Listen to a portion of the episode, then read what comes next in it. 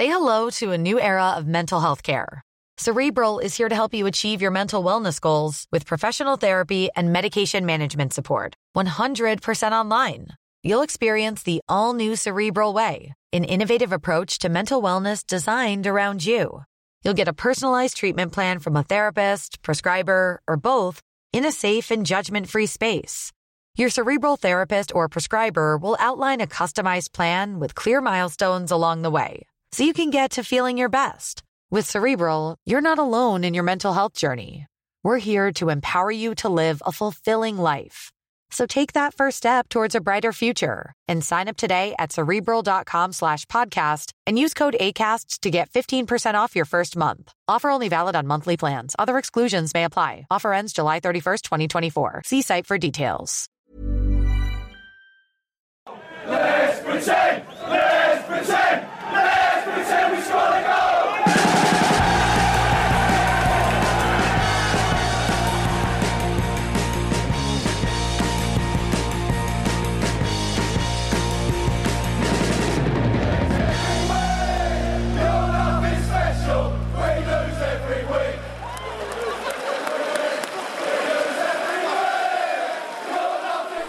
Sportbladets Premier League-podd hälsar välkomna till det första ordinarie avsnittet för säsongen 21-22. Det är eh, högdramatiskt redan från startgroparna i den här eh, ligan som vi är vana vid. Eh, Makota Sahara, välkommen in till studion. Tack så mycket. Eh, Frida Fagerlund, välkommen hem till dig. Ett ställe där du inte verkar spendera så mycket tid eh, nu för tiden. Nej, det blir eh, väldigt mycket eh, slängande och eh, farande. Men det är bara roligt. Kul att det är igång. Och igår kväll så var du på Tottenham Stadium. Undrar om Harry Kane såg vad det var som hände. Det var många supportrar som ställde den frågan i alla fall under kvällen. Are you watching Harry Kane? Han fick se sitt, sitt än så länge, Tottenham besegra eh, Harry Kanes eventuella då, framtida arbetsgivare, Manchester City med 1-0. Eh, vi har ju varit inne på det eh, lite tidigare, Manchester City som är inte haft någon, någon vidare försäsong, har inte fått spela så mycket tillsammans, fått en del eh, träningsmatcher inställda, saknar nyckelspelare som har kommit tillbaka sent och så vidare. Och det syntes tycker jag i den här matchen att det var eh, lite trötta, förvirrade, inte så samspelta spelare än så länge. Och eh, segern till Tottenham, fullt rättvis, vackert mål av Jung-min Son eh, dessutom Frida. Ja, nej men verkligen.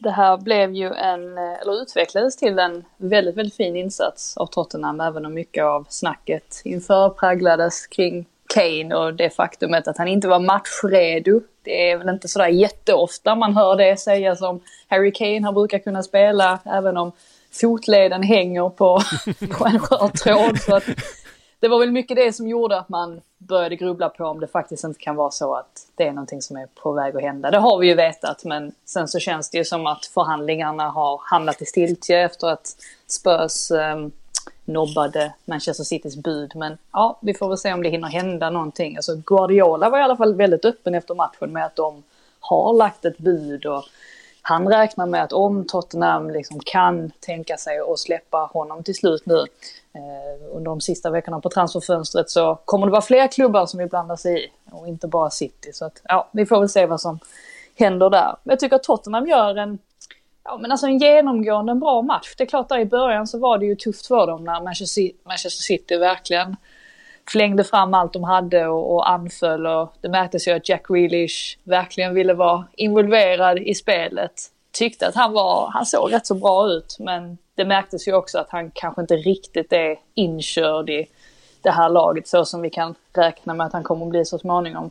Eh, tyckte väl också att de var väldigt duktiga eftersom att de körde med en falsk nia, eller flera falska nior egentligen återigen så drog de isär Dyer och Sanchez väldigt enkelt. Och det är väl Real Mares va, som har den där eh, riktigt vassa läget mm. eh, som han väl nog ska sätta egentligen. Men så blir det inte och då blir det som att Tottenham kan jobba sig in i matchen igen.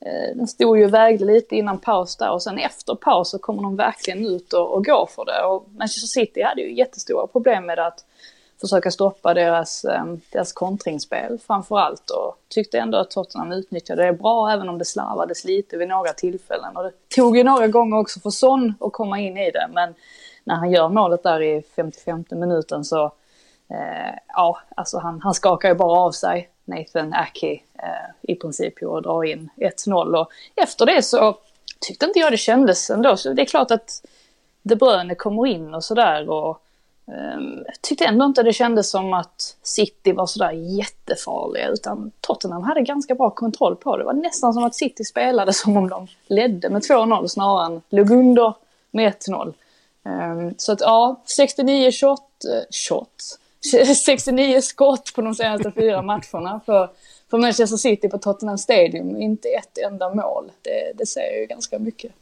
Alltså om man tänker på just Son här, han svarar ju verkligen på helt rätt sätt, sett i hela den här Kane-historien. Att ja, han har förlängt kontraktet och så vidare och det är förvånansvärt lite flyttrykten kring honom sett till hur bra han är. Men det är ju han som på något sätt, om vi nu räknar med, om vi säger att Kane försvinner, då är det ju Min Son som måste kliva fram för du kommer inte kunna värva en ersättare som kommer ta samma stora roll som Harry Kane. Och Son visar ju här vilken liksom spelare han är och att han är redo att leda det här laget om det behövs. Eh, otroligt imponerande egentligen och det pratas allt för lite om honom fortfarande tycker jag. Ja, och sen behöver de ju ändå, skulle det vara så nu att Kane lämnar så känner man ju ändå att de måste ha in en jo, striker. Jo. Alltså någon, det, är, det är ju nästan omöjligt att ersätta Harry Kane såklart. Men de måste ha in någon som, som i alla fall kan axla den rollen. Även om jag tycker att Lucas är väldigt, väldigt bra i den här matchen. Och han är ju den som, som verkligen ställer till det för City-försvaret. Och eh, Steven Bergwijn, ja, det är klart att han var involverad. Tycker att han missar lite för mycket. Han tar lite fel beslut i, ibland. Han, får, att, ju ett, han får ju ett superläge ju.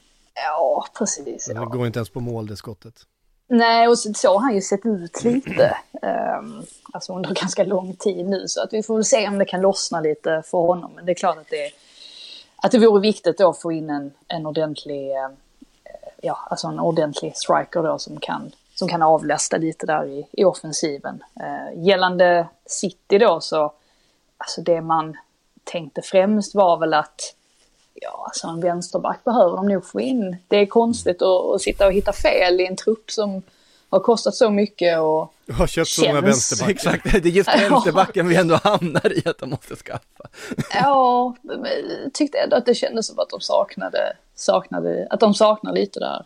Um, sen är det klart saknar Rodri också, men å andra sidan så, alltså tittade vi på förra säsongen så var det ju inte som att han i en alltså, ensam roll på centrala mittfältet klarade av sådär jättemånga anstormningar heller. Så att är svårt att veta ändå vad det var som var fel. Men ska ju sägas att de, de slår ju Spurs sett till expected goals. Alltså de, de landade ju på, på en högre siffra där än Spurs. Eh, så att det visar ju att de kommer ju till avslut men att de inte är tillräckligt kliniska framför mål. Och därför tänkte man väl att en sån som Harry Kane hade passat passat väldigt bra in där att det kanske är så att han hade tagit tillvara på de chanserna de gavs på ett eh, lite annat sätt. Han brukar ju göra det. Vi har fått en fråga här från eh, Babylona, eh, friend of the show som man brukar säga borta i USA. Eh, hon undrar hur mår Kane efter igår? Och, ja, det beror väl helt på. Det är tystnaden är ju talande här. Den, eh, it speaks volumes att han Det har inte själv, kommit någon sån här liksom good work lads. Han har inte, han har inte lagt ut något i sociala medier om eh, oh. Tottenhams premiärseger än så länge. Eh, och det... Ja, det, det, det, det smärtade mig lite också för att jag, jag fick ju prata med eh, Son efter matchen. Mm. Och han var så glad, han var på så, vilket inte är så konstigt såklart, de har ju precis vunnit och han har eh, dragit in matchens enda mål. Och samtidigt så stod ju, man gör ju fortfarande alla intervjuer ute på planen och det har man ju gjort nu sen covid och man, att man inte ska stå i en, i en trång tunnel och göra intervjuerna. Men det gör ju också att publiken hänger ju kvar i de hörnen för att de vill se spelarna komma in på planen igen. Och, eh, ja, det var inte helt lätt att intervjua Son med den ljudkulissen kan jag säga, eh, när de stod och skanderade Sonny, Sonny. Eh, men han var ju på, ja, på strålande humör fram tills man nämnde Harry Kanes namn. Eh, han är ju väldigt emotionell Son. det har man ju, det har man ju märkt. Det var ju, Mm. Han var ju helt knäckt när Mourinho lämnade exempelvis. För att han kom så bra överens med honom. Eh, och det märktes att han blev lite sorgsen när Harry Kanes namn kom på tal. Och han sa ju det att det går liksom inte att ersätta Harry Kane. Eh, men, att, ja, men att man får försöka. Så att han verkar ganska inställd på att eller alla förstår väl att Harry Kane vill lämna, men eh, han verkar tro att det kan hända någonting nu de kommande veckorna. Så vi får väl se om det gör det. Mm. Ja, alltså allt, allt pekar ju på något sätt mot det. Eh, hade det inte varit åtminstone eh, funnits förhoppningar hos Harry själv eh, så hade han ju skrivit något på sociala medier efter premiärsegern igår. Jag menar det är, en, det är en jättetriumf för det här laget som eh, har en hel del frågetecken runt sig inför den här säsongen. Ny tränare, eh, inte minst då Nuno Espirito Santo som ju inte direkt var första valet heller. Eh, och ja men en del nyförvärv, absolut, eh, några spännande spelare in och sådär, men, men mycket frågetecken runt det här laget, att ta den här skalpen det första man gör, spela bra, visa att man eh, eh, faktiskt har kommit ganska långt i de här förberedelserna, att det finns ett, det finns ett färdigt tänk och ett system som eh, fungerar tillräckligt bra för att slå den här upplagan av eh, Manchester City. Det är klart att eh, någon slags reaktion från eh, klubbens kulturbärare hade varit eh, på sin plats, men ingenting än så länge. Någonting man eh, noterade också, ska bara säga det med eh, Jack Grealish. Eh, Folk slet ju sitt hår där den första halvtimmen framförallt för att Grealish, han är ju expert på att få med sig frisparkar. Och det var ju inte populärt. Han huserade ju väldigt mycket på vänsterkanten också där i första halvlek. Det var precis där jag satt och man märkte att ja, men supportrarna de var nära ett nervsammanbrott alltså. Och sen så då att hela matchen egentligen avslutas där i 91 minuten med att det är Grealish som kastar sig in för att försöka stoppa Lukas och drar på sig ett gult kort och tycker att det är helt sjukt och tycker att, att Lukas har, eh, eh, ja att, att han har filmat eller förstärkt. Så att det, ja, det sa ganska mycket om, om Citys eftermiddag, att det var väldigt mycket frustration. Det inleddes ganska lovande men det slutade i frustration. Mm. Ja, vi lämnar eh, den matchen där då. Vi eh, minns ju att Manchester City hade en ganska trevande start på förra säsongen också. Eh, även då ett, eh, ett kort och sent och såklart konstigt. Så var det ju för alla eh, inför förra säsongen. Eh, Är det inte det som är grejen, att så var det för alla? Jag tror inte att man kommer ha råd att ha en sån trög start i år. Det finns för många lag som är bra. Men vi får väl se. Det har ju bara gått en, en omgång så att vi kan ju lugna oss med Det finns ingen anledning att byta ut City i mitt tipsen, så känner jag i alla fall. nej, precis. Så. ah, Jag är- känner mig nöjd med mitt. Ja, det förstår jag. Det, tips än det tycker jag ändå ser ganska bra ut hittills. Eh, och vi såg en eh, Kevin De Bruyne eh, komma in ändå och få några minuter. Han, han slår ett par briljanta passningar, alltså man ser ju hur passningstempot ökar i laget när han är på planen och styr det där spelet. Men han, han slog också bort ett par eh, relativt enkla eh, bollar ja, enkla och enkla, det var någon djupledsboll till Gabriel Jesus och, och så vidare som inte riktigt hade touchen men han lär väl komma igång han också. Ja, det var väl så. Jag kan väl tänka mig att det var så Nuno ville att City skulle spela för att det blir ju ganska enkelt att försvara sig mot ändå på något sätt. Alltså, det var som att det saknades ändå lite variation i Citys anfallsspel. De, just det jag nämnde där med vänsterback, att de hade kanske behövt en liten vassare spelare på den kanten. Men det är ja. väl inte Mondy som ska vara första valet där heller egentligen. ja, det var väl inte han som spelade, det var väl Sinchenko hade väl kommit in vid det laget va? Ja, just det, Eh, När. De Bruyne hade klivit på också. Men ja. Som sagt, en, en, en trög start för Manchester City som inte såg riktigt matchfärdiga ut. Eh, det kan man inte säga om några av de andra titelkandidaterna. Manchester United till exempel besegrade Leeds United med hela 5-1 eh, på Old Trafford efter hattrick utav Bruno Fernandes som eh, Å andra sidan såg väldigt trött och trög ut i EM, ser ut att ha fått vilat nu då efter Portugals rätt tidiga sorti därifrån. Ehm, och vilat sig kanske eh, tillbaks till en bättre ligaform då för Manchester United såg riktigt pigg ut även Paul Pogba med eh, hela fyra assist och det är klart kan man få igång Pogba i den här den här versionen av Po- Pogba, det som vi vet att han kan. Eh, det är ju så att han, han, han är en av världens dyraste fotbollsspelare och det var ingen som höjde på ögonbrynen när han kom för den, eh, för den summan då. Eh, det finns en världsspelare i Paul Pogba som vi bara har sett glimtar av i Manchester United. Kan han komma igång den, här, den här säsongen och få visa sitt bästa, då skulle jag säga att Paul Pogba är den bästa värvningen Manchester United kan alltså, göra. ja, det, han, herrejösses vad bra han var. Alltså det var så mycket, alltså både han och Bruno i den här matchen, det liksom osar klass om varenda touch och det är lite häftigt med United där att det är liksom den det är Jadon Sanchos debut när han hoppar in med liksom kvarten kvar, den här stora värvningen som har liksom hypat upp väldigt länge. Det är presentationen av Rafael Varan inför, som ju är en, ja det är den häftigaste presentationen vi har fått se av en spelare. Det är ingen video, det är ingen kamera, det är bara en spelare och hans tröja ute på en, ute på en plan inför fans. Mm. Jättesmart av PR-teamet att uh, göra det på det sättet. Men sen är det liksom Bruno och Pogba som på något sätt tar hela showen och ser så här pass bra ut och då tänker man ju att det är ju man glömmer bort ganska lätt när vi har pratat om Sancho och Varann och så vidare hur de ska frälsa United, att de har ju ett gäng frälsare som redan finns i den här truppen som kan göra väldigt stor skillnad. Bruno vet vi ju att han kan göra det och Pogba vet vi ju också, bara att vi inte har sett det. Men eh, enorm start av honom verkligen på säsongen. Men jag tycker ändå, jag tycker inte det är så förvånande för att tyckte ändå att det kändes som under senvåren framförallt som att mm. Pogba verkligen började hitta tillbaka, eller snarare att Solskär har börjat hitta en rätt plats för Pogba också. För att det är ju också väldigt viktigt för att de ska kunna samarbeta på bästa sätt, Fernandes och Pogba. De tänker ju fotboll på ett, på ett annat sätt än vad många andra gör. Och här får de ju verkligen utdelning för det, äntligen, får man ju säga. Eh, annars var det ju lite förvånande ändå att han valde McTominay och Fred.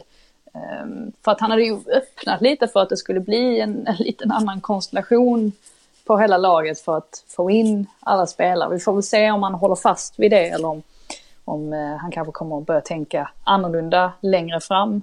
Eh, det var ju, måste bara sägas också, det här med att publiken är tillbaka. Det var ju alltså helt grym atmosfär inne på Old Trafford. Alltså, det var så att alltså, håren reste sig liksom på armarna. Eh, det var helt otroligt. Och Manchester United gillar ju att spela mot Leeds. Så ju, de vann ju med 6-2 förra säsongen och det var ju inte som att Leeds, alltså den här man-man markeringen de kör, det vet vi ju alla. Vi behöver ju nästan inte ta upp det. Alltså Marcelo Bielsa kör sin stil och han, han bryr sig inte riktigt om att anpassa sig sådär ofta. Vi, vi såg det någon enstaka gång under förra säsongen att han anpassade sig efter ja, men Man City exempelvis då när de tvingades spela med en man mindre under större delen av matchen men ändå vann. Eh, I övrigt så håller han sig till sin grej. Problemet här var väl att Alltså, Robin Koch kan inte riktigt matcha sig mot Bruno Fernandes Nej. i den rollen på mittfältet. Klich eh, hängde inte med. De drog inte åt rätt håll och drar man inte åt rätt håll när man kör man-man spel, då, då fungerar det inte alls. Och det var, ju, det var ju det som hände här, det föll ju lite ihop och sen så får ju Eiling på det där skottet kort efter paus och då tänkte man att ja men nu kanske de möjligtvis kan greppa sig fast i matchen. Men då ja, dyker ju Greenwood upp istället på den där fantastiska passningen från Pogba och bara rundar Strojk och eh, lägger in 2-1 målet och ja, då fanns det ju ingen återvändo. Ska ju sägas det också just med, med Greenwood som ändå hade lite svårighet under förra säsongen att det är ju en fantastisk start för honom också och han är ju verkligen en helt makalös avslutare. Mm. Solfors sa ju redan det för två år sedan att Greenwood kommer bli den bästa avslutaren. Och han är den bästa avslutaren han någonsin hade sett. Och nu börjar han ju verkligen visa det också att han nog, nog kan komma att bli, Eh, ja, eller ses som en av de absolut, absolut främsta om man fortsätter så här. Det var en väldigt bra start för väldigt många. Jag håller ju med helt om Greenwood också, att han såg ju plötsligt lite ut som den Greenwood som slog igenom, den man inte sett så mycket skymtar av under förra säsongen. Det var ju en otroligt fin start för honom också. Ja, vi, måste och, och man måste komma ihåg att Mason Greenwood fortfarande är 19 år gammal. alltså det, det, är, det är okej att vara lite ojämn i, i nivån när man, när man liksom fortfarande är tonåring när man, och spelar jo, på den här det var, nivån. det var väl egentligen inte bara ojämn, det var väl främst de här sakerna som hände utanför planen som ja. kanske alltså, påverkade så, lite för, um, li, lite för mycket sådär och att det störde honom helt enkelt. Mm. Uh, så att det är ju skönt, skönt att se att saker och ting börjar falla på plats för honom. Sen får vi faktiskt inte glömma att nämna Lindelöf som dels Nej. gjorde en väldigt bra insats rakt igenom. Men framförallt att han slår den där passningen fram till Fernandes som fullbordar hans hattrick. Det var nästan så att det kändes lite som att ja, nu har Pogba, nu har han stylat lite här och slagit tre fina assist. Och sen så ville Lindelöf visa att han minsann också kan. Och det var nog skönt för honom att få den här starten. Just eftersom att Varann presenterades och han vet om att det kan komma att minska hans speltid. Jag frågade ju Solskjaer det efter matchen också just med ja, men hur det nu blir, alltså kommer det bli tufft att välja. Och han sa ju att det givetvis är så för att han gillar ju Lindelöf. Det har han inte gjort någon hemlighet av de senaste säsongerna. Han har alltid tagit honom i försvar. Eh, men det är klart att få in konkurrens på mittbackspositionerna, det är någonting som de inte riktigt har haft de senaste säsongerna. Det är klart att Erik Bajie har funnits där, men vi vet alla att han kan vara väldigt ojämn och sen efter honom så är det väl Phil Jones. Så att det är inte som att de har haft något sånt där jättedjup på de positionerna så att få in varandra det kommer ju bara gynna dem antagligen. Just det, Phil är kvar ja. Man, man glömmer bort mm. det ganska ofta. Mm. Ja. Ehm, Ja, han slog ett par sådana bollar faktiskt, eh, Lindelöf med väldigt fin eh, precision under matchen. Det här var faktiskt inte, inte enda bollen som, eh, som gick fram till anfallet utan hade ett par sådana. Och, gött att få en assistpoäng också, såklart. Ett annat utav favoritlagen som höll för trycket, Chelsea mot eh, Vieras eh, Crystal Palace. Eh, Crystal Palace har väl en del mm. kvar att, eh, att jobba på eh, för att få ihop de bitarna innan det stämmer helt. Eh, mål av Marcos Alonso, Pulisic och eh, Chaloba. det var ju lite, lite roligt, Chelsea produkten. Han var väl bollkalle på Stamford Bridge en gång i tiden, han har tagit sig hela vägen. Det har väl alla varit i för sig i det laget, känns det som.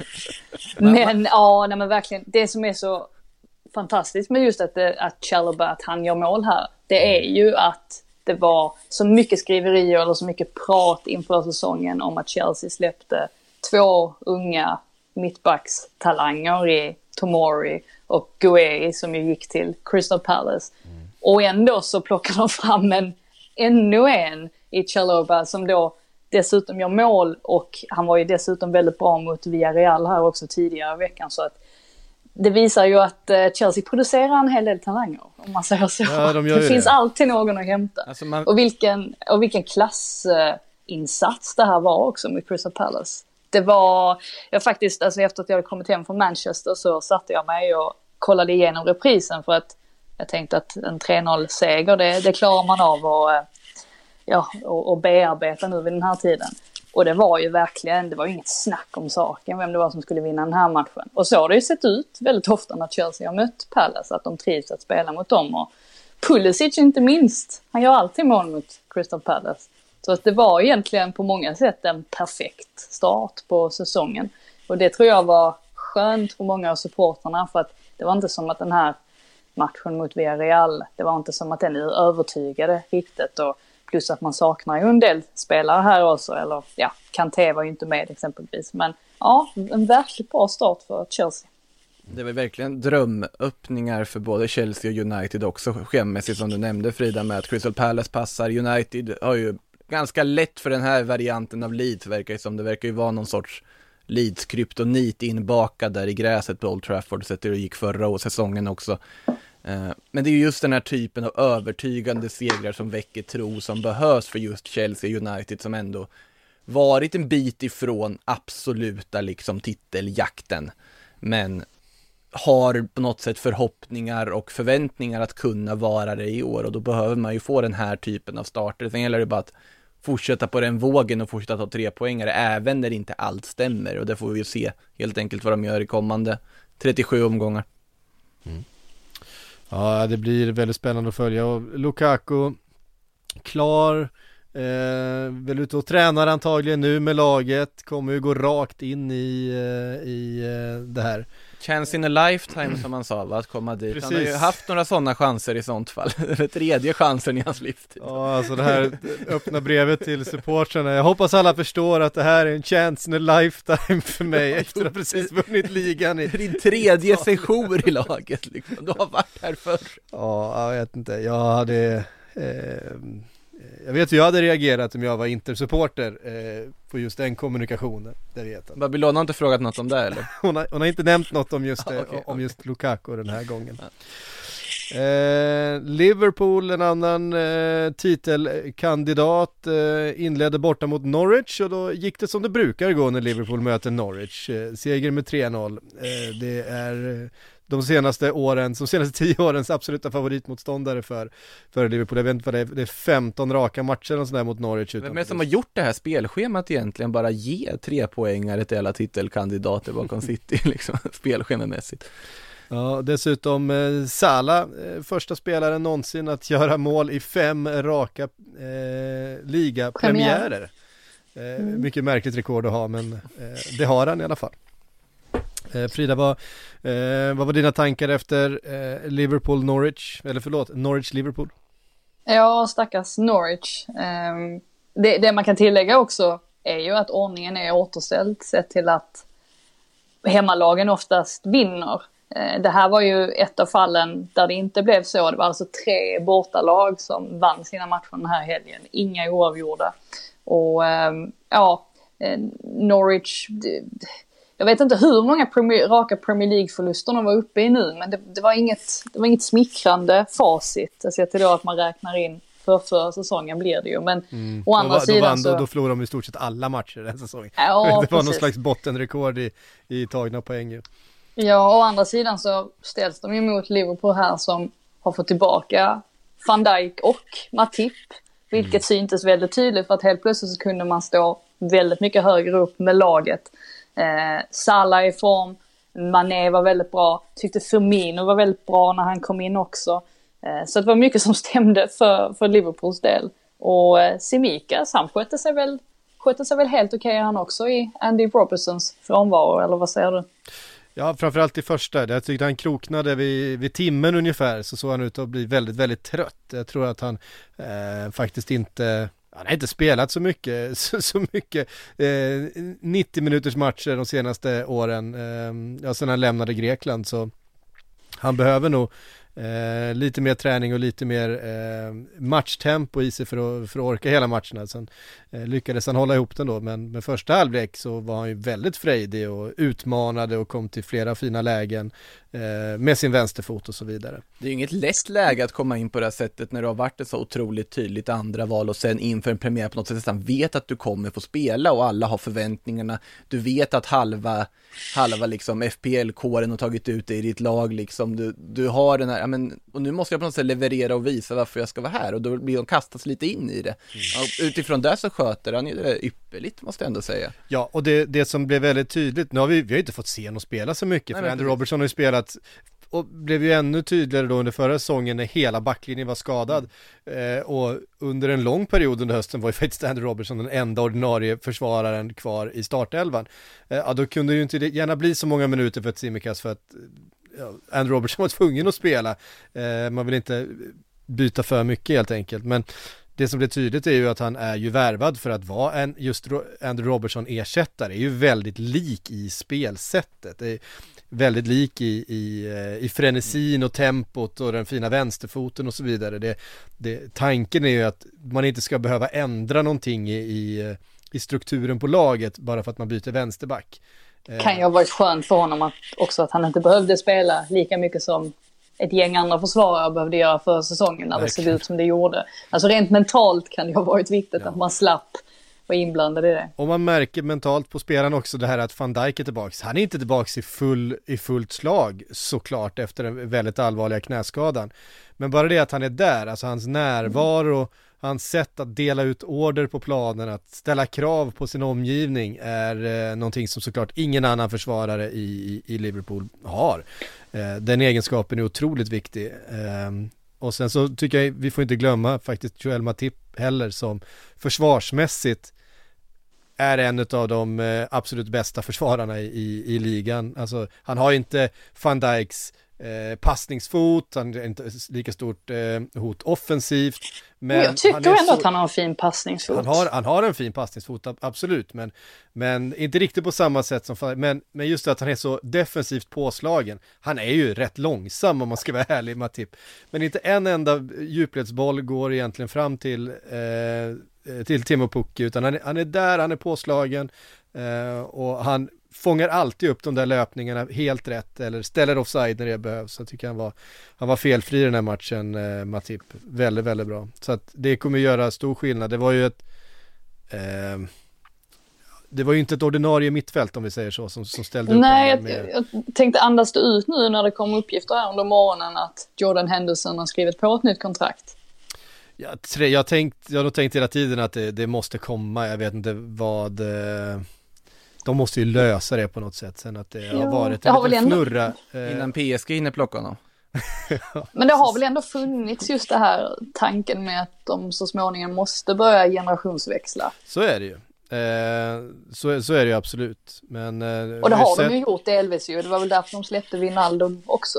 Precis. Kände att kanske ska satsa på andra spelare. Men så var ju James Milner där va? på tal om generationsväxla. Eh, han sprang, sprang tydligen mest av alla eh, i hela Såklart. första omgången. Eh, inte bara den här matchen utan eh, för alla lag. Eh, som man alltid gör. James Milner springer mest. Firade med en kopp te efter antar jag. Ja, precis. Men man märkte också tyckte jag när Fabinho kom in efter en, eh, efter en timme ungefär, den sista halvtimmen där med Firmino och Fabinho på planen också, så kunde de liksom sätta ner eh, foten eh, på ett sätt på Norwich. Nu skapar de det där läget precis på slutet där det kunde blivit en, en reduce re reducering, men ehm, jag tror det är rätt solklart att i nästa match så är det Firmino och Fabinho som kommer, som kommer starta och då kommer att vara tillbaka med ungefär det där, samma lag. Får se i alla fall Jordan Henderson och Thiago också kommer eh, vara spelklara till det. Quality sleep is essential for boosting energy, recovery and well-being. So, take your sleep to the next level with Sleep Number. With a Sleep Number smart bed, you can individualize your comfort level and enjoy a better sleep night after night. JD Power ranks Sleep Number number 1 in customer satisfaction with mattresses purchased in-store. And now the Queen Sleep Number C4 smart bed is only $1,599, a saving of $300 only for a limited time. For JD Power 2023 award information, visit jdpower.com/awards. Only at Sleep Number stores or sleepnumber.com. Eh, en eh, ganska bekväm seger till slut och en ganska skön eftermiddag för Liverpool. En inte riktigt lika skön kväll för Arsenal borta mot nykomlingen Brentford, Frida. Eh, vad, vad, mm, vad säger vi om, om den här insatsen från, från Gunners? Eh, ja, vad ska man... allt här tystnaden. det var inte bra, så vi kan väl bara, så, kort summering, ja, inte bra. Vi får, nej, vi får väl börja vid eh, Aubameyang, Lacazette härvan där, att de inte kom till spel. Och det sades ju vara av eh, hälsoskäl och det får vi ju tro på. Även om man liksom sitter och blir lite orolig över att det har skurit sig rejält där på något sätt och att det är anledningen till att de saknas. Men finns inga bevis för det, det finns inga belägg för det så att får, eh, vi får väl anta att de då ja, avstod på grund av hälsomässiga skäl. Och det gjorde ju att Arteta tvingades vända sig till ja, fler ynglingar än vanligt. Eh, Balogun till exempel då som fick spela i nummer 9-rollen. Martinelli till vänster, sen hade han ju såklart Pepe till, till höger då.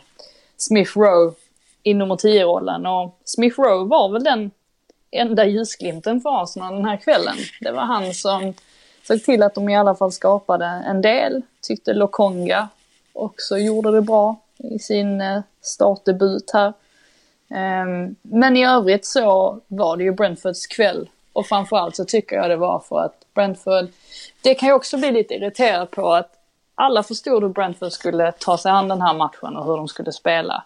Alltså har man, har man sett dem spela en match i Championship förra säsongen så visste man hur den här matchen skulle se ut. Eller hur de ville att den skulle se ut. Och precis så tilläts de spela också. De var väldigt fysiska, eh, alltså kraftfulla. De har liksom Tony där fram och Jansson där bak. Bara en sån grej. Eh, alltså indikerar ju att de verkligen kan använda sin fysik och ihop dem med sin speed så blir de ju farliga. Och så får de in det där 1-0 målet efter 22 minuter. Och, eh, ja, och då satt man ju och tänkte att nej, alltså det här kommer inte, det här kommer inte gå. Och även om Arsenal som sagt, Smith Rowe, han hjälper till att skapa en del och sådär så ja, viker de ju ner sig även vid 2-0 målet. Jag vet att det har varit lite snack om att Jansson går in ganska hårt där på Bernt Leno och blockar honom helt. Vilket ju öppnar upp för Nörgaard och, och eh, nicka in den där bollen till 2-0. Samtidigt så, oh, det är så typiskt Arsenal. Ja, men var lite, stå lite rak i ryggen. Liksom, I Lenus fall där, försök, och, försök få undan honom. Varför är det ingen annan som hjälper till? Man blir Eh, man blir lite frustrerad eh, och deras vägnar när man ser dem spela på det här sättet. Så att, och jag tyckte också att en sak som var väldigt signifikativt för var Arsenal står just nu, det var efter matchen att vilka två spelare är det de slänger fram för att göra postmatch interviews? Jo, det är Lokonga och Ben White. Och jag tycker det säger, det säger ganska, det, visst det är klart att du kan slänga fram ett nyförvärv om du har vunnit en match eller sådär. Det är ju rätt vanligt att då, då känner klubbarna att ja men det här är ett bra läge att slänga fram dem. Men när de två får gå fram och försöka försvara den här förlusten. Eh, jag fick visserligen prata med Smith Rowe, men det var främst, jag tror det var Lokonga och White i, eh, Sky Sports-studion. Och när de förstår att försvara den här förlusten, det säger ganska mycket om att det, det, det är någonting som fattas i Arsenal sett till karaktärer och ledare. Eh, och lite orättvist att allting faller på dem. Det är klart att Ben White kom från en väldigt hög, eller han kom från en väldigt hög summa, man förväntar sig mycket av honom då. Eh, samtidigt så, vi har påpekat i den här podden att han var tredje bästa mittback i Brighton förra säsongen. Mm. Eh, däremot så tror jag ju fortfarande att han har en, en ljus framtid. Det är inte det. Jag tycker inte man ska...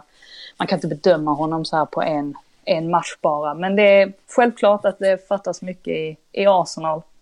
Det var väl Emmanuel Petit tror jag som satt i RMC Sport och sa någonting i stil med att han, att han har slutat kolla nu för att han har inga känslor längre för Arsenal. Och då, då har det ju gått långt om det är så man sitter och känner. Å andra sidan, fantastisk kväll på Brentford. Tyckte att det var helt välförtjänt att de vann den här matchen. Mm. Alltså det är ju inte snyggt, alltså det är inte schysst heller att kasta fram White och Lokonga på det här sättet, alltså, alltså i ett sånt läge.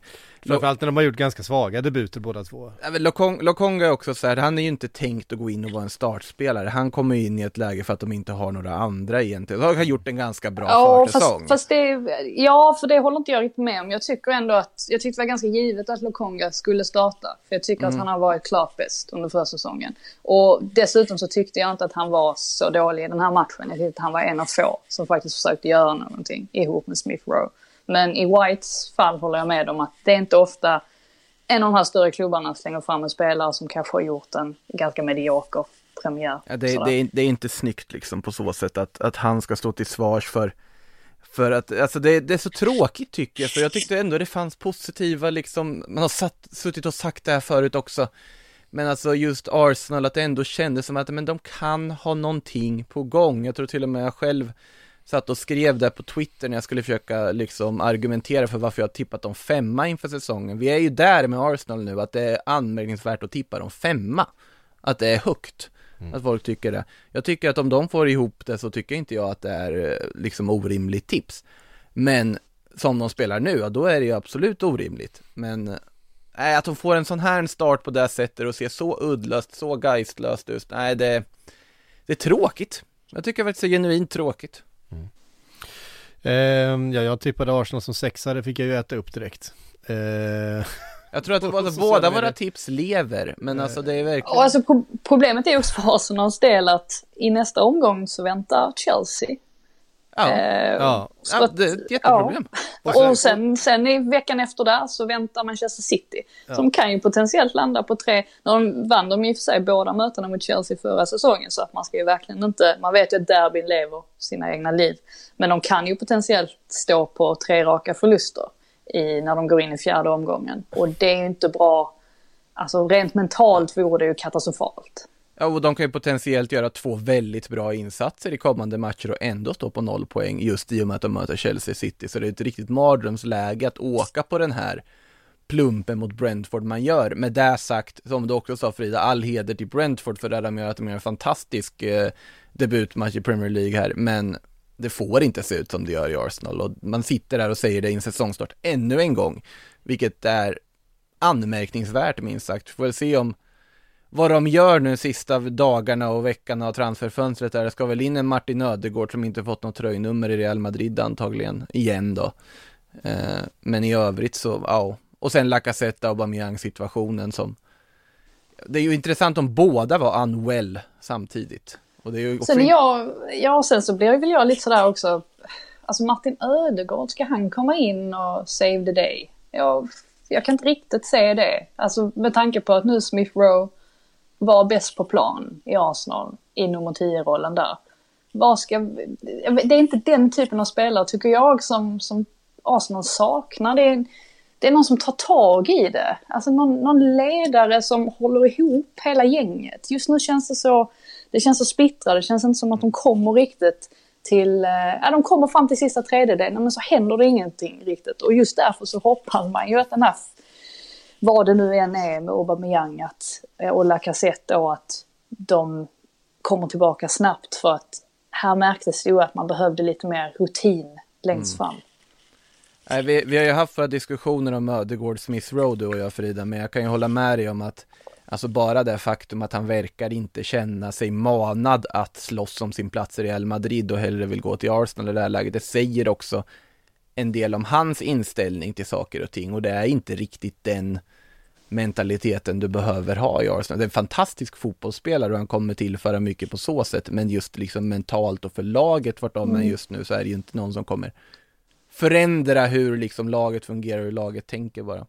Man vill ju ha en, en Bruno Fernandes mentalitet. Ja. Vill man ju ha in i det här laget. För att säga vad man vill om Fernandes men den vinnarskallen som han tog med Verkligen. sig in i laget var ju Verkligen. den också som gjorde så himla stor skillnad för Manchester United. Har man bara några spelare som driver på de andra på det sättet så kan det göra väldigt stor skillnad. Så att ja, vi får väl se. Ja, verkligen. Ehm, helgens mest underhållande match, eh, i mina ögon i alla fall, Newcastle West Ham eh, på eh, St. Mary's. Nej, vad säger jag? St. Mar- Va? St. Mary's, nu eh, St. James's Park. Må- Många, många helgon här och ha Ja, koll på. precis. Nu vart det förvirrat. Eh, men otroligt underhållande match eh, från början.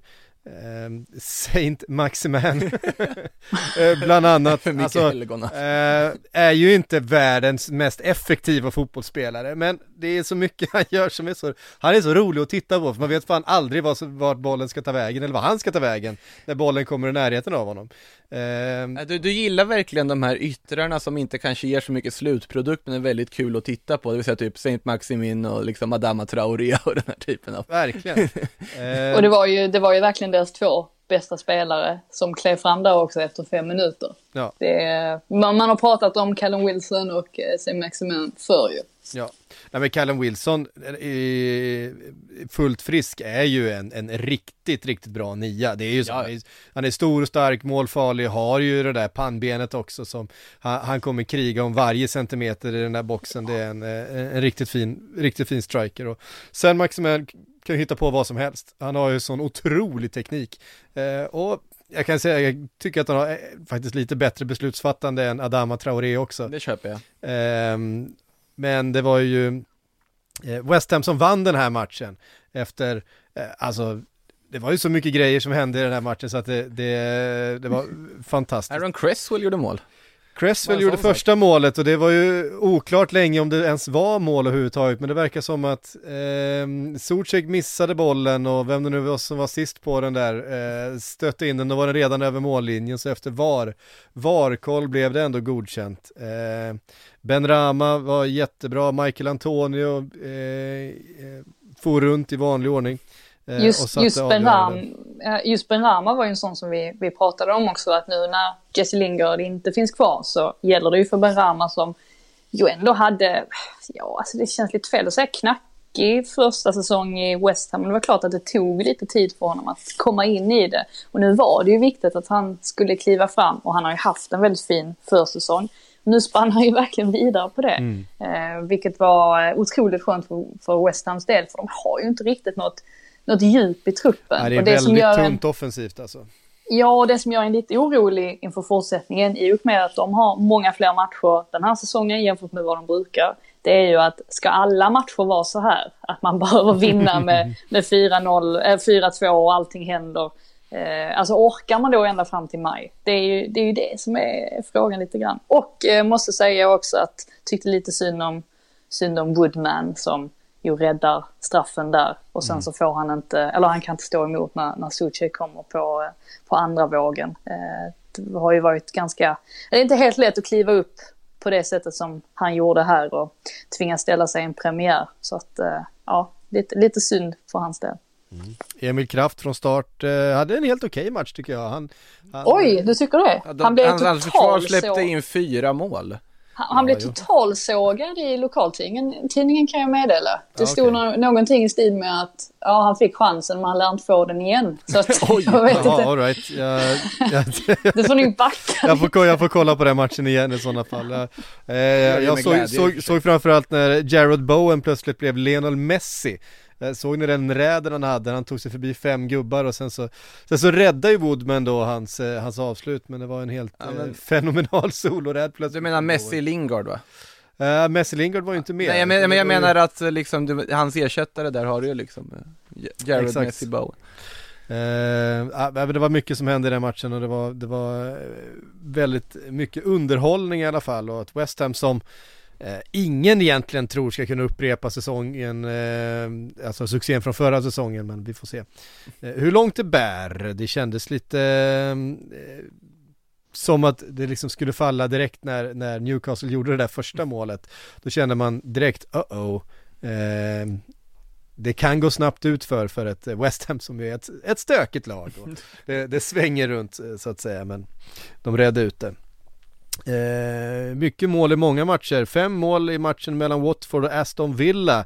Eh, och det är många som vill eh, skriva av det här eh, Aston Villa-projektet som många har ändå tippat rätt högt. Men man ska komma ihåg att de har ju faktiskt också tappat sin absolut viktigaste spelare i Jack Grealish. Även om man har eh, förstärkt med många fina namn så kommer det ta ett litet tag, eh, Frida, innan det här laget sitter i eh, så bra som Eh, Dean Smith hoppas.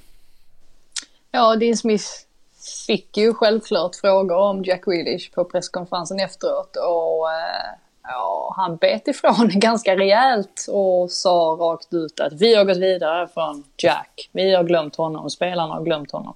Alltså i stort sett. Det var väl inte riktigt ordagrant, men det visar ju på att han är ganska trött på att få de här frågorna. Men de var ju legitima eftersom att Aston Villa såg ganska trött trötta ut. Mm. Alltså de var inte riktigt med i matchen där i början. Sen är det klart att de kommer in i det där i och med att Mac, McGinn slår in den här fantastiska eh, ja, reduceringen till, ja vad var det då, 20 minuter kvar. Mm. Eh, det är 3-1 då, det är, lite, det är lite för sent och lite för lite. Ja, det är lite för sent. Och sen så Ings, som var ganska isolerad matchen igenom, han får ändå slå in den här straffen med ja, någon ynka minut kvar.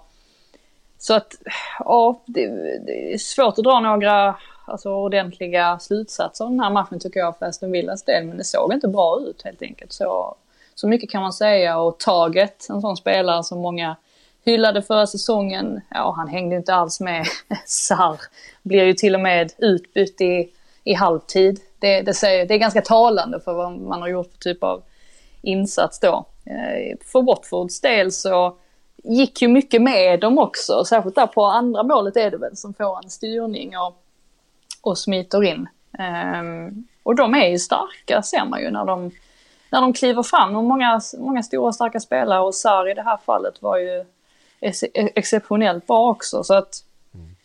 Men återigen, ganska svårt att dra slutsatser i Watfords fall också. Uh, för jag vet att jag fick direkt eh, mail eftersom att jag tippade Watford i, i botten av tabellen så fick jag direkt mail från vår eminenta redigerare på Sportbladet, Jarko, som håller, som håller stenhårt på Watford. Där han skrev någonting i stil med att, eh, ja, haha, eh, liknande. Och det är väl klart att eh, absolut, alltså Watford nu klämmer verkligen in i säsongen med ett eh, med en rejäl explosion. Men vi får väl se om de, om de fortsätter hålla i det. Eh, det ska bli spännande att följa dem i alla fall. Kul med eh, Emmanuel Denis debut var ju inte dålig heller liksom, levererar direkt där. Det var väl ett nyförvärv man inte pratat jättemycket om här inför Nej alltså, en spelare som, ja men det är så här, 23 år, gjort Eh, vad jag kan säga, 19 mål för Klubb Brygge under tre säsonger. Eh, Man är snabb. han är snabb, men det är liksom en, eh, det är ju inte en spelare som det borde eh, ha varit så mycket fyrverkeri kring, men det kan definitivt bli en, eh, en, en riktigt kap för, för Watford om man fortsätter så här. Kul med Ken Tror väl han, ja, tror väl han blev, blev han matchens lirare också, Denis, eller hur var det? Ja, han är det i alla fall enligt eh, PremierLeague.com. Eh, så officiellt det kan bli då. King of the match, eh, Emanuel Denis. De kör också King of the match bra. i Premier League. De var väldigt bra båda två i alla fall, Sär och Denise. Ja, och eh, som sagt Ken Sema från, eh, från start också. Eh, gillar vi att se. Eh, definitivt. Eh, Burnley, eh, Brighton Frida. Burnley tog ledningen med på det mest Burnley sättet man kan göra, nämligen genom en mittback. Tarkovski tryckte in mål efter bara två minuter. Um, och då känner man så här, oh, oh nu, blir det, nu blir det tufft för Brighton som ju inte kan göra mål. Men lyckas vända på steken. 2-1 seger efter mål av uh, Mopé och uh, McAllister. Uh, inte McAllister utan McAllister. Den argentinske uh, U23-landslagsmannen McAllister. Ja, Alexis jag, McAllister. Ja, jag vet inte om man ska kalla detta för en Potter masterclass eller om det bara är så att han räddar upp sina egna misstag efter paus på ett väldigt skickligt sätt. För att den här startelvan han ställer ut och systemet de kör med, det fungerade inte alls under första halvlek. Det var direkt uselt och alla kunde se att någonting behövde förändras till andra halvlek och det gjorde det också. Eh, dels så kommer Lalana in, bytte även eh, plats på, på yttrarna där. Eh, sen kommer Mordor in också så småningom som ju också spelar en stor roll där i, i lednings, eh, eller i segermålet, nej, i kvitteringsmålet blir det ju faktiskt. Mm. Eh, och eh, ja, det vänder hela matchen eh, till sin fördel och det var ju oerhört starkt för det är inte ofta vi har sett Brighton göra det. Eh, så att det tyckte jag verkligen var ett styrkebesked. Och Mopé också som vi har varit på väldigt mycket vid tidigare tillfällen. Han gör en, en, en väldigt bra insats här. Och, eh, så det, det, ska man vara, eh, det ska vara noggrann och påpeka eftersom att han ju har som sagt, han har hamnat en del gånger under bussen när man har analyserat Brighton i, har, i andra fall. Han har, han har missat ett och annat eh, avslut under sin tid i, i Brighton. Som om inte Arsenal-fansens helg kunde bli värre så gjorde dessutom Neil Mopay mål alltså. Precis.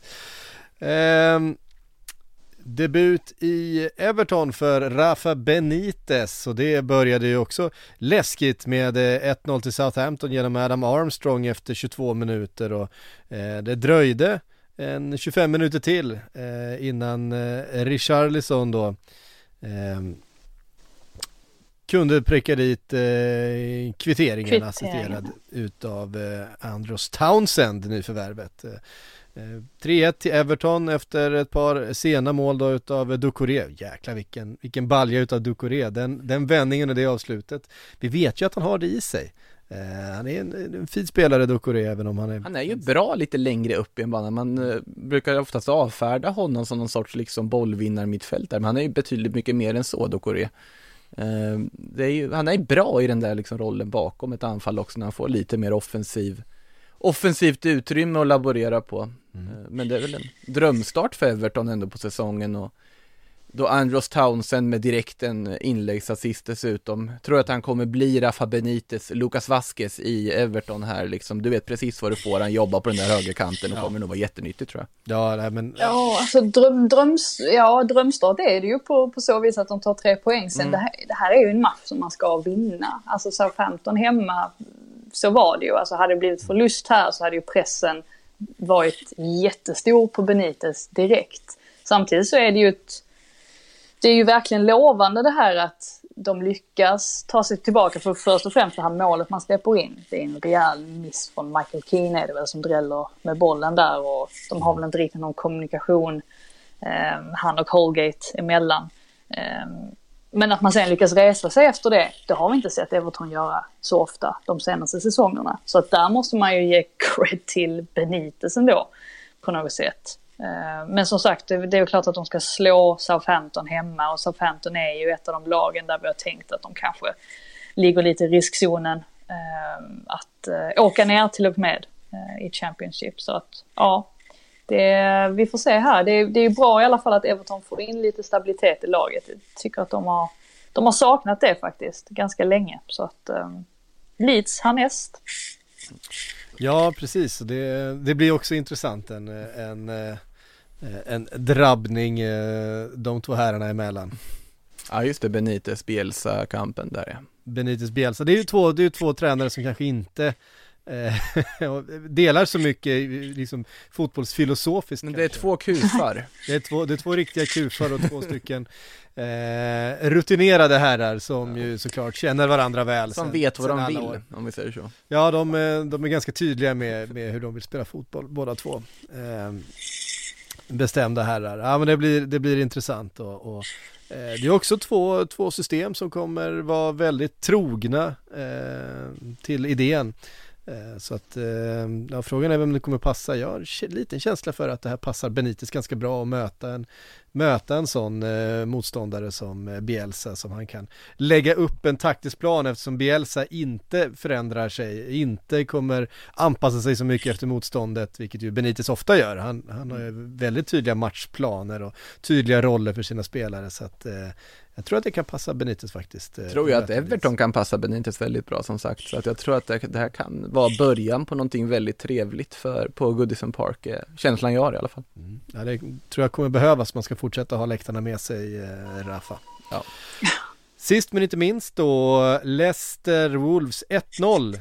Eh, King of the match här, Kasper Schmeichel som fick eh, sträcka ut ett par gånger mot, eh, mot Wolves och hålla den där nollan intakt. Eh, målet av Jamie Vardy såklart. Eh, igång igen, som man alltid är.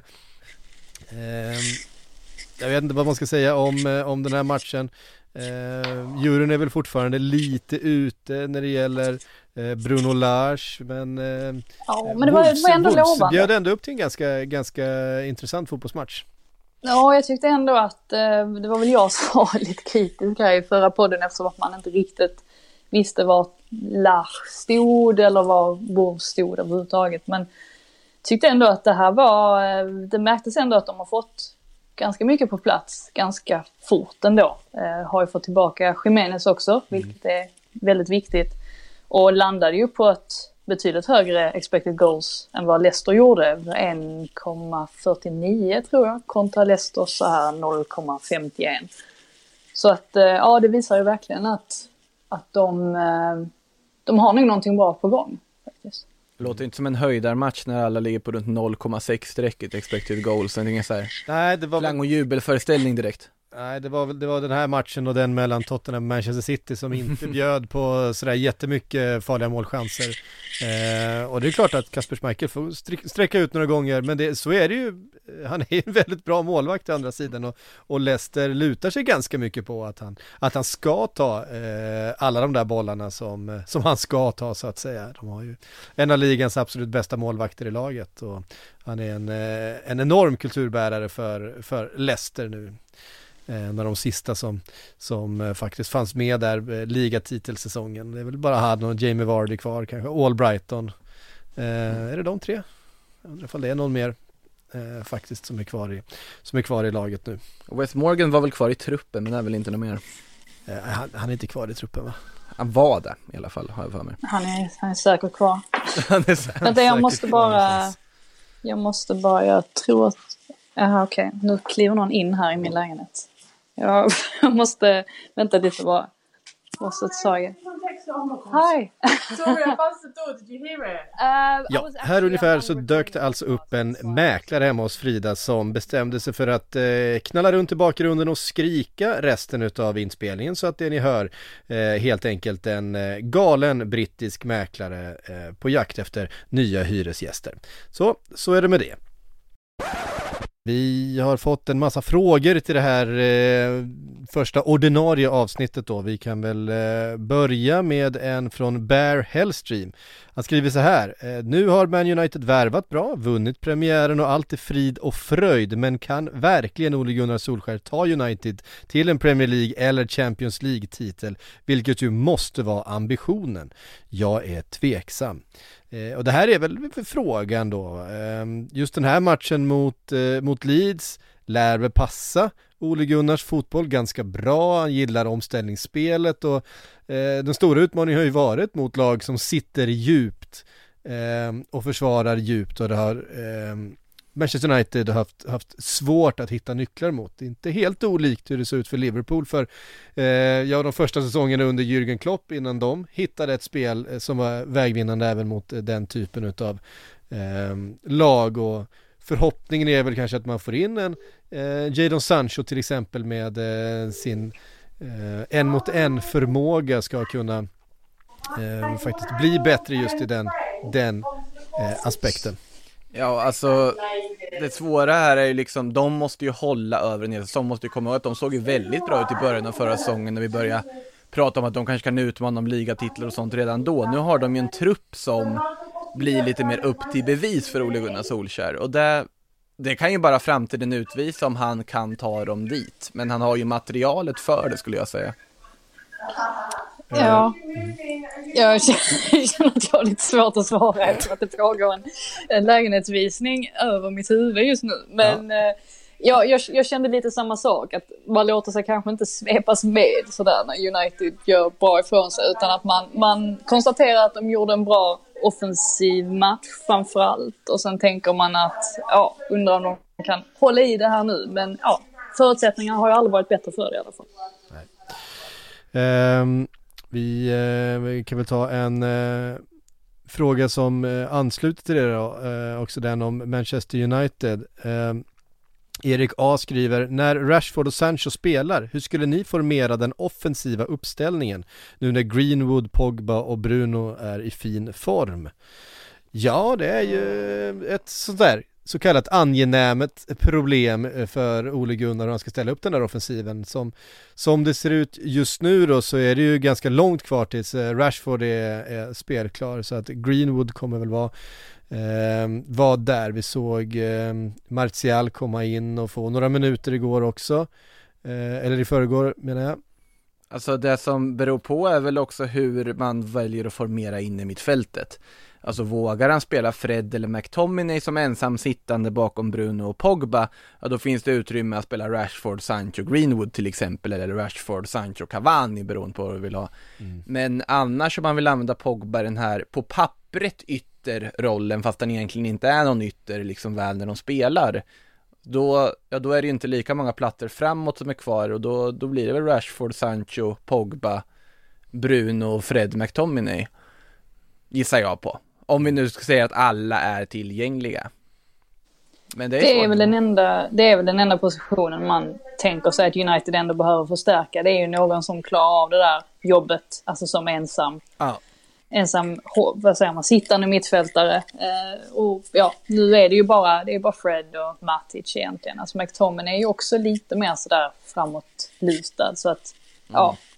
Ehm, det är väl klart att det är ett frågetecken. Och alltså just det här också med, med Greenwood, det är ju bra för Solskjaer också att han kan använda honom i lite olika roller. Alltså som striker eller som ytter. Han vill inte sätta någon stämpel heller på Greenwood. Har han ju varit väldigt tydlig med. Så att, eh, ja, där har han ju också lite, eh, ja, alltså lite alternativ. Mm. Alltså Wilfred Ndidi borde det ju pratas om att de borde buda på eller någonting med tanke på att Leicester på något sätt redan skaffat hans ersättare i liksom från Lill här nu så borde de ju Borde dyka upp snack om eh, liksom bud och så vidare där om man nu vill förstärka den positionen och ser det som välbehövligt för jag håller ju med om att Varken Fred eller McTominay håller kanske för att göra, vara ensam sittande på så sätt, i alla fall inte mot bra motstånd Och Matic är ju lite för långsam dessvärre för att kunna hantera det helt också mm. eh, Lars Jansson skriver, hur dålig är The Ox? Eh, när, när han var på plan var bollen på vänsterkanten hela tiden. När han gick av smällde Liverpool in två snabba och bollen var på högerkanten hela tiden. Ja, han hade inte sin bästa eh, match där. Han har haft en väldigt fin försäsong däremot. Jag tror att eh, just för Oxlade Chamberlain så påverkas han ganska mycket av att det inte finns en renodlad sittande mittfältare i den här 4-3-3-uppställningen eh, utan att det var Keita och Milner som var Eh, Eh, som också är mer bollförande, och lite mer offensiva. Jag tror att, eh, nu var det ju Ox som fick kliva av när Fabinho kom in. Ehm, och jag tror att eh, hade Fabinho suttit där som stoppklossen han ju verkligen är och ta alla dem eh, så blir eh, det defensiva jobbet så blir rollfördelningen lite enklare tror jag för de eh, två stycken åttorna om man ska kalla dem. Där ju också skulle vara den högra då. Det är en spelare som hade mått bra av en utlåning kan jag känna. Alltså, jag tror, det, alltså jag är inte helt, eh, det beror lite på, nu är ju Liverpool lite tunna kanske då med tanke på att Wijnaldum har försvunnit och det inte har kommit in någon, någon e- ersättare och det som finns bakom är ju väldigt ungt då i, i Harvey Elliott och, och Curtis Jones eh, som eventuellt skulle Elliot är väl primärt längre fram dock väl, eller? Nej, det är på den positionen faktiskt. det är där också. Som, eh, som jag tror att Klopp kommer vilja spela honom. Eh, men hade det funnits lite mer bredd så tror jag nog att Oxlade hade typ lånats ut. Det pratades ju om West Ham till exempel. Eh, där han absolut kanske kunnat få en roll lite högre upp i banan. Som kanske hade passat honom mer får likt man- än han hade lite tidigare i karriären. Men om man får räkna mittfältsnumerären så kan man ju tänka liksom, det är ju Thiago, Henderson, Fabinho som är liksom för, första valen. Och så har du ju de som lirade igår, Milner, Jag tror att, ja, Ja. Keita så länge han är helt kommer vara fjärde valet där. Verkligen. Eh, och James Milner, i- ja. när man behöver honom så finns Men det han ska James vara Milner. där, han ska Ja. vara där så länge han vill vara där. Och Ja, sen så och har sen du där liksom, bakom så vill du ju ge de unga du vill ha. Curtis Jones. Ja, Curtis Jones som är, som är jättefin och hade ett slags genombrott förra säsongen och Harvey Elliott är liksom den största talangen Så i, Ox är ju fortfarande överflödig. ja, det finns något överflödet över honom fortfarande. Så att ja, vi får se hur länge han, han ehm, Bli kvar. blir kvar. Jesper skriver, skulle de ta bort millimeter offsides i år eller hur var det? Eh, ser fortfarande ut som eh, någon som, ja, han kommenterar en annan, det var den här Bruno Fernandes eh, tredje mål va, som var en eh, misstänkt offside. Men de har ju ändrat offside-regeln Frida och eh, den här linjen som då ska gå, den ska vara lite bredare och luddigare så att de där eh, armhål eh, till eh, eh, Eh, sista dobb avslut eller offsiderna ska eh, försvinna helt enkelt. Ja, precis. Det är en av förändringarna inför i år. Och det är väl kanske den jag tycker personligen är, är bäst. Ehm, de räknade med att ungefär så här 28 mål hade kunnat godkännas förra säsongen om den här regeln hade, hade, hade funnits på plats då. Så att jag, jag välkomnar det i alla fall. Ehm, sen finns det också en önskan om att man ska låta spelet gå betydligt mer. Ehm, det var väl bara, eh, var det Steve Bruce ändå som hade lite invändningar på hur VAR fungerade nu. Ehm, det var väl det enda egentligen i, i helgen, annars har det varit ganska lugnt på, på den fronten. Det var väl någon, ja men precis det var väl, det var väl Atkinsons straff där som han gav till, eh, till West Ham som väl inte föll Steve Bruce sådär värst i, i smaken. Men i övrigt har det ju varit ganska lugnt på den, den fronten tycker man ju, VAR-fronten. Mm. Ja, eh, så är det. Hörrni, det var faktiskt allt vi hann den här eh, veckan. Eh, vi ser fram emot en ny rafflande omgång utav Premier League nästa helg. Eh, Sillypodden kommer komma tillbaka i veckan. Eh, vi säger eh, tack så mycket till alla ni som har lyssnat, till Makoto här i studion, till Frida med mäklare borta i London och sen säger vi på återhörande.